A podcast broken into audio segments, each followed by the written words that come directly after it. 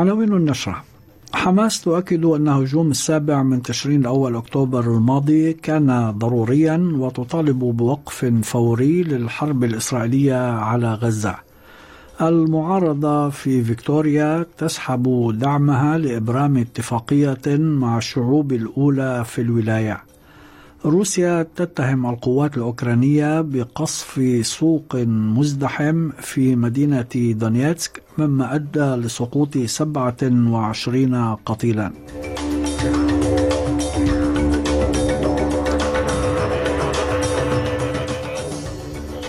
هاشم الحداد يحييكم وإليكم التفاصيل. أكدت حركة حماس في وثيقة مطولة نشرتها أمس أن هجوم السابع من تشرين أول أكتوبر الماضي على إسرائيل كان خطوة ضرورية واستجابة طبيعية لمواجهة الاحتلال الإسرائيلي مطالبة بوقف فوري للحرب الإسرائيلية على قطاع غزة والعمل على فتح المعابر وفك الحصار عن القطاع وإدخال المساعدات إليه. وقالت حماس في الوثيقة التي وزعتها باللغتين العربية والإنجليزية أن معركة الشعب الفلسطيني مع الاحتلال والاستعمار لم تبدأ في السابع من أكتوبر تشرين الأول الماضي وإنما بدأت قبل ذلك منذ 105 أعوام من الاحتلال 30 عاما تحت الاستعمار البريطاني و75 عاما من الاحتلال الإسرائيلي. ونفت حماس في وثيقتها التقارير الإسرائيلية عن استهدافها مدنيين خلال الهجوم مؤكدة أنها هاجمت فقط مواقع عسكرية. وكانت إسرائيل اتهمت مقاتلي حماس بارتكاب فظاعات خلال هجوم أكتوبر تشرين الأول من بينها اعتداءات جنسية وقتل مدنيين عشوائيا وممارسات تعذيب. وردا على وثيقة حماس أعلن رئيس الوزراء الإسرائيلي بنيامين نتنياهو في مقطع فيديو أمس أنه يرفض بشكل قاطع شروط الحركة للتوصل إلى اتفاق لإطلاق سراح الرهائن معتبرا أنها شروط استسلام. The conditions set by Hamas sharpen a simple truth. There is no substitute for victory.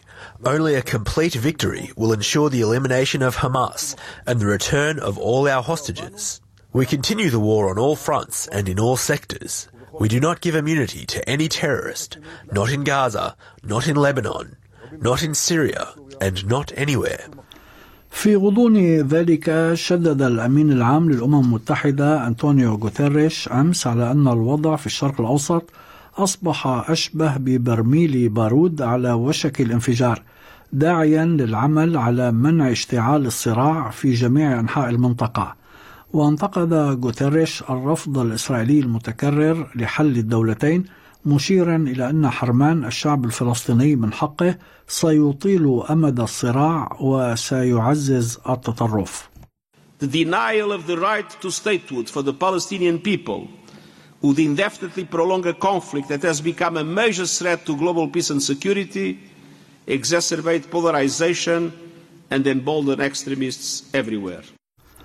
على خط آخر ومع تجاوز عدد ضحايا الحرب في غزة الخمسة وعشرين ألف قتيل بحسب أرقام وزارة الصحة التابعة لحركة حماس تواصل القصف الجوي والمدفعي الإسرائيلي بكثافة الليلة الماضية وفجر اليوم على مناطق في جنوب القطاع مما أدى لسقوط عشرات القتلى والجرحى وخاصة في خان يونس. حذرت مصلحة الأرصاد الجوية من وصول إعصار من الدرجة الثالثة إلى سواحل كوينزلاند بحلول يوم الخميس المقبل. وأضافت أن منخفضا جويا يتشكل فوق بحر الكورال وهو على وشك التحول إلى إعصار بدءا من يوم غد الثلاثاء.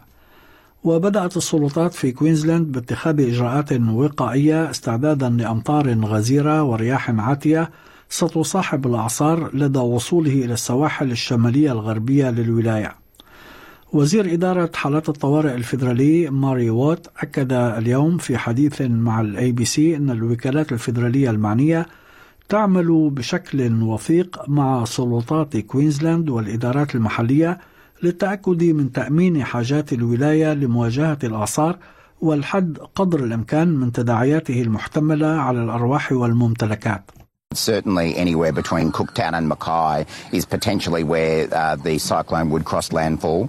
It does now seem more likely than not that it will make landfall, probably later in the week, but we expect some of the effects of that to be start being felt on the Queensland coast really by midweek.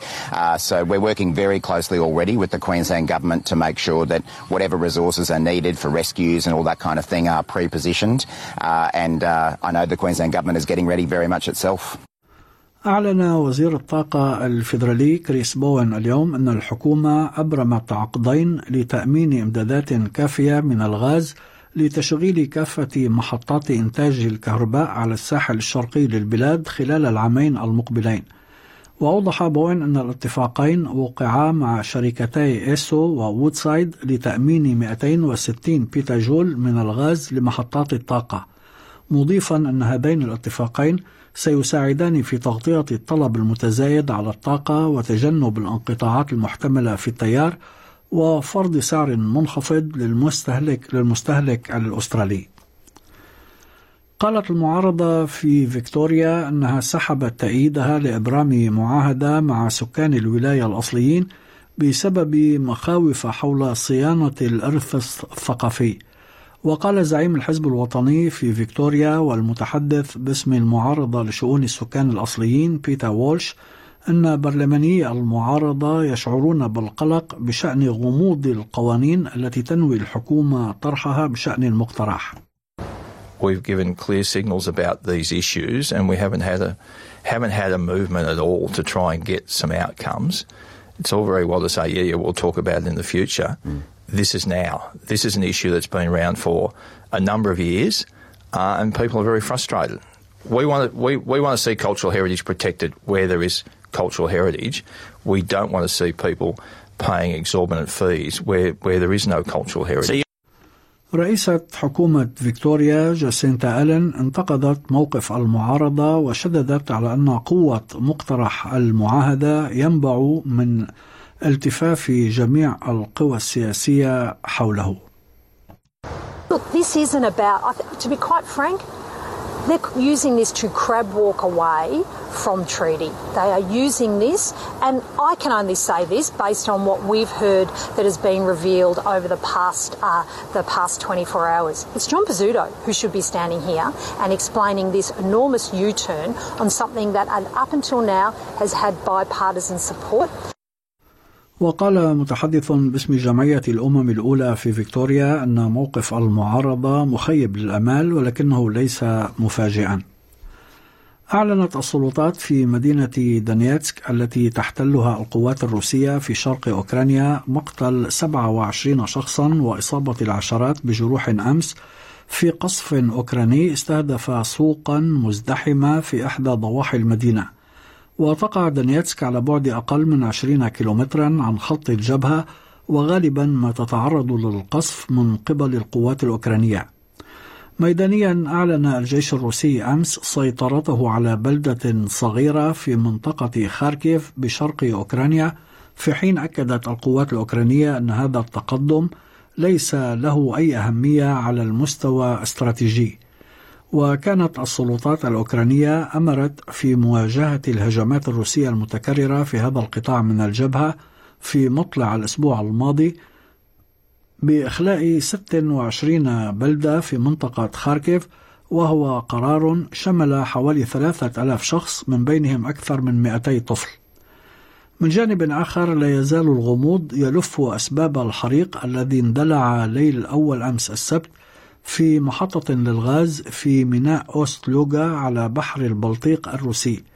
وقالت شركة نوفاتيك التي تعد من أكبر منتجي الغاز الطبيعي المسال في روسيا أمس في بيان أن عاملا خارجيا تسبب بالحريق من دون إعطاء المزيد من التفاصيل.